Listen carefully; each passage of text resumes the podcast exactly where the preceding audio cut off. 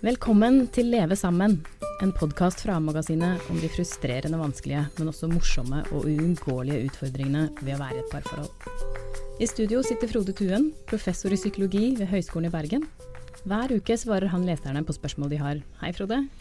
Hei. I studio sitter også statsviter Bent Sofus Tranøy, og de to har vært bestevenner siden de var barn. Velkommen, Bent. Tusen takk. Jeg heter Tonje Egedius, er journalist i A-magasinet, og i likhet med leserne har jeg tusen spørsmål når det kommer til kjærlighet. Og spørsmålet i dag er hva gjør man med en mann som koser seg i hjel og ikke tar vare på helsa si? Det har du fått brev om, Frode. Ja, og den kvinnen som skriver, hun har en samboer som liker å kose seg. Han er glad i mat og drikke, og, han er den siste som går hjem fra fest. Og, og han drikker øl flere ganger i uken. Mens hun, derimot, hun er opptatt av å holde seg i god form, og hun er opptatt av et sunt kosthold. Og nå er hun bekymret for mannen sin. La oss høre hva hun skriver. Vi er begge i midten av 30-årene. Vi er glade i hverandre og har mange felles interesser. Dog skulle jeg nok ønske de var mer av det aktive slaget. Han liker å kose seg og er ikke særlig helsebevisst. Blir heller inne en regnværsdag enn å gå en tur. Jeg bekymrer meg for min samboers stillesittende livsstil. Når jeg trenger en utblåsning, så tar jeg en løpetur. Han går ut og drikker øl med venner. Og da er det ikke snakk om en to-tre, men opp mot fem til syv øl. Dette kan starte rett etter jobb og vare til langt på kveld. Gjerne én til to ganger i uken. I helgene går han gjerne ut én av kveldene. Han kan også ta seg et par øl dagen derpå, men jeg opplever ikke at han har et alkoholproblem. Han er imidlertid overvektig og har høyt kolesterol.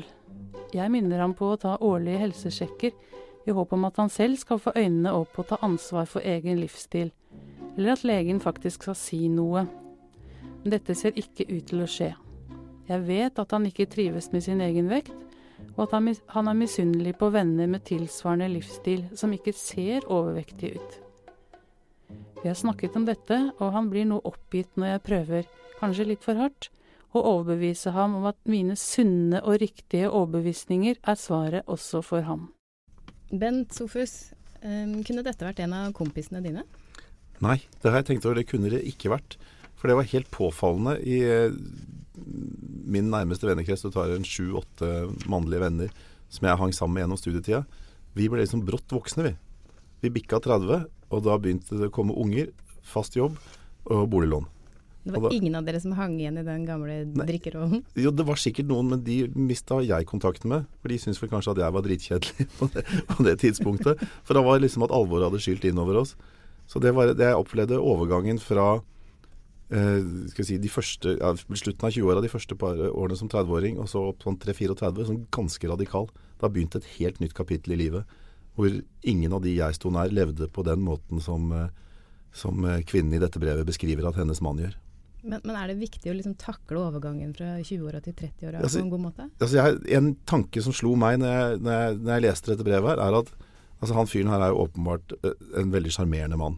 Midtpunkt på festen. Han virker klok og varm, og du merker at hun skriver om han med en ikke, ikke ubetydelig grad av kjærlighet. Måten han er villig til å strekke seg for å komme henne i møte på ting og sånn.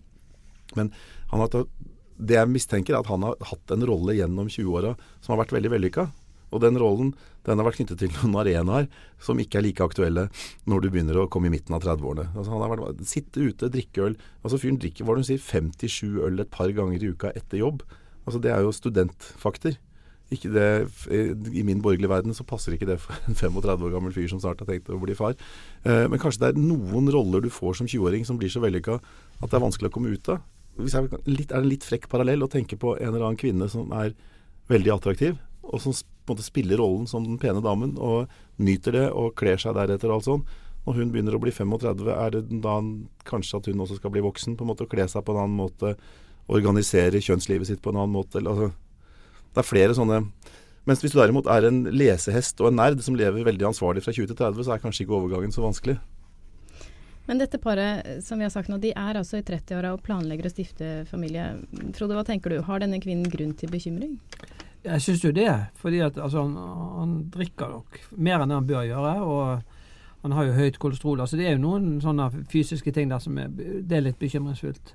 Um, sånn at, og det er noe med den, den livsstilen som og Jeg treffer jo dette, denne typen problemstilling også blant en del av mine klienter. altså Hvor, hvor særlig mannen da henger på en måte for mye igjen i en sånn ungdomskultur eller 20-årene. og og ikke klarer helt å catche opp med det som forventes av en mann når man er i 30-årene eller skal bli far. da.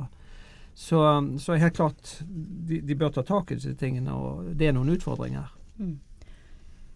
Men denne kvinnen er på en måte litt tvetydig. Hvordan leser det, dere dette brevet? Er det et uttrykk for kjærlighet? At hun bekymrer seg for mannens helse? Jeg, jeg, oppfatter det sånn, gjør ikke du det? Da? Jeg oppfatter det, altså, jeg syns det er mange kjærlige vendinger der. Mm. Og Det er noe med måten hun, hun snakker om han med respekt. Uh, og jeg kanskje legger særlig merke til den der biten hvor hun sier at, at, han er flink altså på alle andre områder enn trening og livsstil, så er han flink til å lytte til henne. At han gjør det, at hun ser det og formidler det, det, det oppfatter jeg som et veldig godt tegn. Uh, samtidig kan hun si at hun, hun, hun, sier ikke at hun savner å ha med han på tur. Hun sier at han må gå på tur fordi det trenger han. Uh, men det kan jo være at, hun, at, det er hennes måte å forsøke å formidle at hun bryr seg om han på. At det, dette handler ikke om henne og hennes egoisme. Jeg vet ikke, men, eh, nei, men jeg, ser, jeg, ser, mye kjærlighet der, og jeg ser et problem. Mm. Men hvordan skal man gå fram da, hvis man eh, er bekymra for partnerens helse? Altså Det er jo i hvert fall viktig å ikke altså skille mellom å inspirere og ikke insistere. Altså Hvis, hvis hun blir litt insisterende og skriver det er at hun mm. kan bli litt sånn pågående når hun ønsker å få han opp av godstolen, få han ut, eh, så så slår han liksom kommer han med vrangsiden ut. Og, men istedenfor å prøve å få til eh, altså få han med på ting som hun selv kan være med på, eller at de kan gjøre noe sammen. og Prøve å, å, å gå foran med et godt eksempel, eller være en rollemodell. Det er det ene. Det andre er jo å prøve å, å gi litt sånn næring til den ambivalensen som han nok helt sikkert kjenner på. For at, det skriver hun også. altså Han er jo øh, misfornøyd med kroppen sin og føler at han er for tykk. og sånt. Hun skriver at hun tror at han ikke er fornøyd med egen vekt. Ja. Men det er én ting. Hvordan skal hun formidle at hun kanskje ikke heller er fornøyd med vekta hans? Altså, poenget er jo at hun kommer nok lenger hvis hun klarer å få frem hans egen tvil. Og Det er en metode som er utviklet nettopp for, for, det som kalles for motiverende intervju, som, som faktisk har utgangspunkt i, i, behandling av rusproblemer, men som etter hvert har blitt brukt i mange forskjellige sammenhenger, hvor man ønsker en livsstilsendring. Og Prinsippene er veldig enkle. Det er altså at man antar at den som har et eller annet livsstilsproblem, eller atferdsproblem, at den vil kjenne en slags ambivalens. altså På den ene siden gjør man dette fordi at det er godt, eller det er ønskelig, eller det det er noe positivt. Ellers hadde man ikke gjort det. Samtidig så har man også bekymringene, sine egne bekymringer om at dette er ikke bra. Jeg kan ikke holde på sånn i lengden. sant?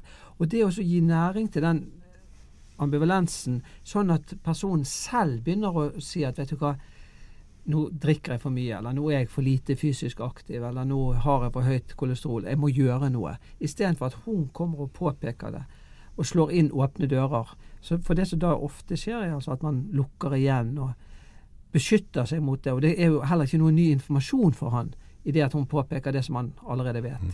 Så hvis han, hun kan klare å få han til å vippe han litt i retning av den delen av hans sjøl som er bekymret, så er det mye større sannsynlighet for at hun når frem med sitt budskap. Mm. Det er jo veldig vanskelig. Altså, vi har en kjempediger industri som hjelper folk å slanke seg, hjelper folk å trene. Altså, jeg bruker masse penger på en personlig trener. Ja, nå er han kjempeflink, men mitt opprinnelige motiv for å gjøre det var jeg tenkte at da begynner jeg i hvert fall å trene. Altså, veldig sånn, altså, jeg tenkte at det er, jeg skulker trening uansett ellers, men jeg vet at jeg taper 600 kroner hver gang. Da klarer jeg å gjøre det. Og det har jo funka i og for seg på den måten at jeg har trent. Men altså, det er en ganske lang vei de har å gå. Det er en tung situasjon han er i, han, eh, han karen. Altså, både, han skal både få lyst, og han skal faktisk klare å gjøre det. Men hadde den metoden som Frode Betun, Frode Thun eh, beskriver her, hadde den funka på deg, tror du? Jeg syns at jeg er fryktelig flink til å snakke om ting uten å gjøre noe med det. Jeg blir alltid gal av mine egne ord, hvis du skjønner hva jeg mener. Jeg setter ord på det, og det er så mye innsikt, og det er velformulert og alt sånt, så skjer ikke en dritt. Så jeg kan jo faktisk bli kvalm av egen av mine egne utlegninger om sånne ting. Men, men det jeg er helt sikker på, er at det, altså jeg, jeg, likte veldig godt den der lille slagordet Frode kom med. Eh, inspirere heller enn å insistere. Jeg er helt sikker på at insistere går i hvert fall ikke. Og sånn at inspirere må være den eneste veien som det er mulig å gå. Og det er jo, folk klarer jo, det jo Du kan snu det andre veien også. Altså. Folk slutter å røyke hver dag, og folk slanker seg hver dag. Og folk begynner å trene og sånn. Men eh, jeg, var, jeg, alt jeg egentlig ønsket uttrykket, var en respekt for uh, at det der er en tung greie.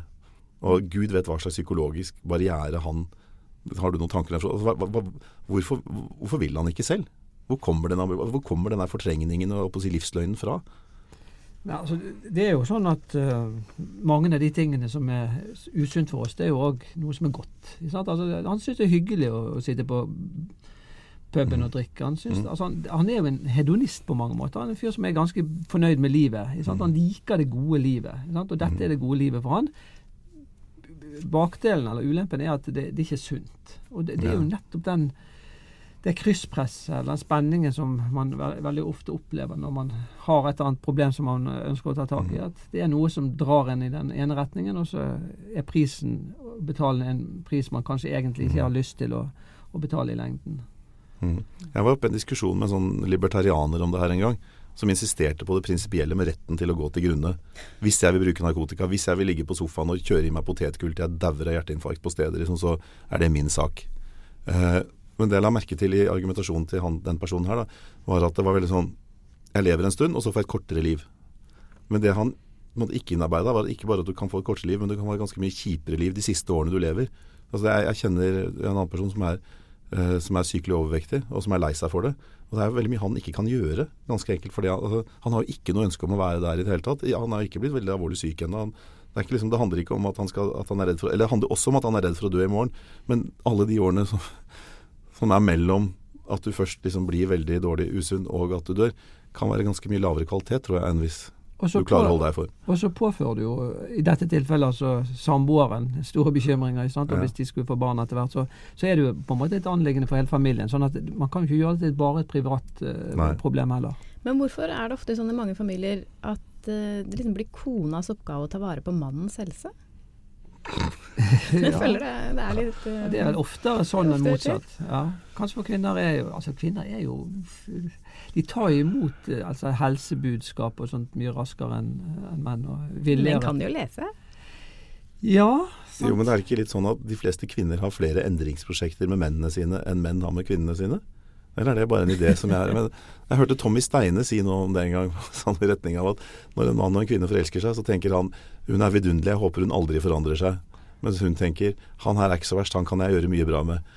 og så går det ti år, og hun har forandret seg helt, og han har ikke forandret seg i det hele tatt. Det var på en måte hennes nei, Tommy Steines spøkefulle take eh, på dette her, da. Ja, og det, det, er jo et poeng, altså, at kvinner er jo mer opptatt av å forandre menn ofte enn en, en motsatt.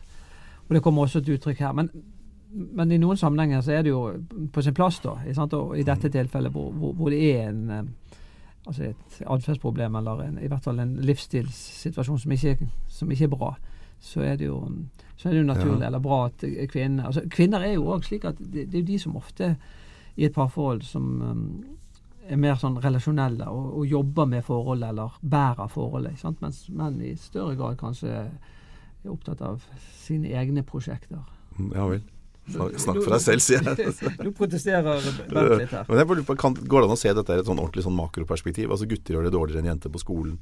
Uh, og jeg har, jeg har, hørt om fra, fra, yngre mennesker jeg kjenner, da, at noe som du snakket om, menn som nekter å bli voksne, de vil sitte og spille sånn, det, sånn gaming. Uh, Fifa eller sånn Warcraft og sånne greier på, på, Altså, de fortsetter med Hva jeg hørte om en jente som Mannen kom ikke og la seg. Jeg tror hun lå i senga og hadde lyst til at han skulle komme og kose med henne og kanskje ligge med henne, mens han satt og spilte. Altså Hvis du har det som en problemstilling i et par, så er det jo Da skjønner jeg godt at kvinnene får noen endringsprosjekter. Men uh, ja, er det sånn? Er, er, er, det liksom gjennomgående at det, Kan dette knyttes til andre problemer som du ser eh, at si, mannsrollen er oppe i per i dag? At mens, mannsrollen er mer uh, utsatt for press, på en ja. måte. Men jeg ser i hvert fall at i, i, altså på terapirommet så er dette en veldig tydelig problemstilling. Altså Kvinner ønsker å forandre mannen mer enn mannen ønsker å forandre kvinnen. Eh, og, og, mange ganger også med rette eller med god grunn, da, og, som i dette tilfellet her. Mm. Men denne kvinnen hun eh, tar også opp et annet litt ømt punkt. Og det er Hun skriver at hun synes ikke mannens bekymringsløse forhold til egen kropp Hun synes ikke det er så tiltrekkende lenger. Og hva gjør man hvis man har kommet til den erkjennelsen Mhm. at uh, Er det kvinnespråk for å si at hun har mindre lyst til å ligge med han? Jeg tror det. Ja. Jeg frykter det. ja. Men hva gjør man da hvis partneren ikke er så attraktiv for en lenger? Jeg synes det, det er jo vanskelige ting, altså. Det, det er sårt. Og det er, ikke så, det er ikke så lett å tematisere det i et parforhold. Man skal være veldig forsiktig hvis man, hvis man liksom buser ut av seg med, med, med det, så kan man gjøre ting altså vondt verre. Ved at man kommer inn i et veldig dårlig spor, og hvor det i hvert fall ikke er noe særlig sånn, hva skal vi si, som gir næring Mhm. til uh, lyst og Men kan man bli redd for å bli avvist? Ja. Og så kan sexen dø ut. ja, Og det er jo ikke bra. Men hvis sexen allerede er i ferd med å dø ut, da? Fordi ja. man ikke er så tenner ikke så mye lenger? Nei, igjen så tenker jeg at ok, hvis det går an da å inspirere altså, Uten å dra, dra parallellen for, lang, for langt så, altså, I mitt i min, uh, forhold så er jo altså Min kone er jo den som kjøper fine klær til meg. Ikke sant? Altså, hvis jeg skulle kjøpe mine klær, så hadde det antagelig ikke vært så mye å skryte av. Sånn at Du hadde spart.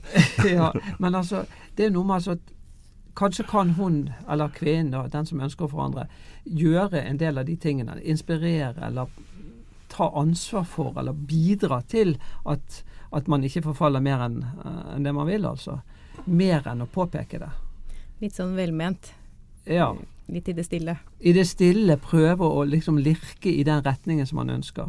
Og hvis det fungerer, så er jo det ingenting som er bedre. Men noen ganger så er selvfølgelig ikke det nok, da. Mm. Men så er det vel et generelt oppdag, oppdragerprinsipp hele veien fra hunder og bikkjer via barn til menn. At ros, at forsterking, at positiv forsterking av sånn atferd du ønsker, virker bedre enn kjeft. Eller Ja. å si noe sånn som at Vet du hva, dette her, denne her dressen passet deg, eller du, du kler så godt denne nye buksen, eller nå når du har gått ned et par kilo, du er jo bare så Du sitter jo så fantastisk på. Sånn at hele tiden å på en måte gi næring til det som er bra, mer enn å påpeke det som er, er negativt. Det skal jeg merke meg. Jeg har en tendens til å rydde mannen mins klesskap, nemlig. Sånn. Det er en av mine hobbyer. Men uh, vi nærmer oss slutten. Men uh, Bent Sofus, uh, hva gjør du for at eh, kjæresten din skal synes du er flott? Eh, ja, det, jeg har jo ikke så mye å jobbe med lenger, som jeg hadde en gang. Men jeg, jeg har vel, altså, det, er vel, eh, det er vel to ting. Jeg tror at en del en del går jo via det Altså hvis jeg oppfører meg på Så da blir jeg tullete. Det jeg prøver å si, er at hun blir veldig glad når jeg er lyttende og interessert. Og f.eks. tar endringsimpulser fra henne. Det har jo ikke noe med å, å se flott ut, men en, god, en del av attraktivitet går jo via måten du er på. Og når det gjelder måten du er på direkte, så har jeg dessverre måttet konkludere. Jeg har jo en fortid som journalist, og jeg er nå forsker og professor, og det er to yrker hvor det er lov å kle seg shabby. Og jeg liker å gå i utvaska olabukser og gamle skjorter og gjerne være bustete på håret og synes at jeg er fin da. Men jeg har registrert at dette er ikke en oppfatning som blir delt av kvinnen jeg elsker. Hun vil mye heller at jeg skal gå i en pen skjorte med en pen genser utenpå. Eh, Så er det et svar?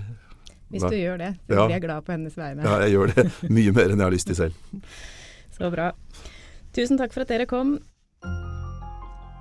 Neste uke spør vi hva gjør man hvis man rett og slett fortjener noe bedre? Har du innspill, kommentarer eller spørsmål til noen av temaene vi tar opp i våre podkaster, send en mail til amagasinet at aftenposten.no. Samme mailadresse kan du bruke om du har spørsmål om samliv og relasjoner som du ønsker at Frode Tuen skal svare på. Bare henvendelser som blir brukt i spalten, blir besvart. Du kan abonnere på podkasten Leve sammen i iTunes. På aftenposten.no og i A-magasinet kan du også følge med på hva Frode Tuen gir folk råd om. På gjenhør neste uke.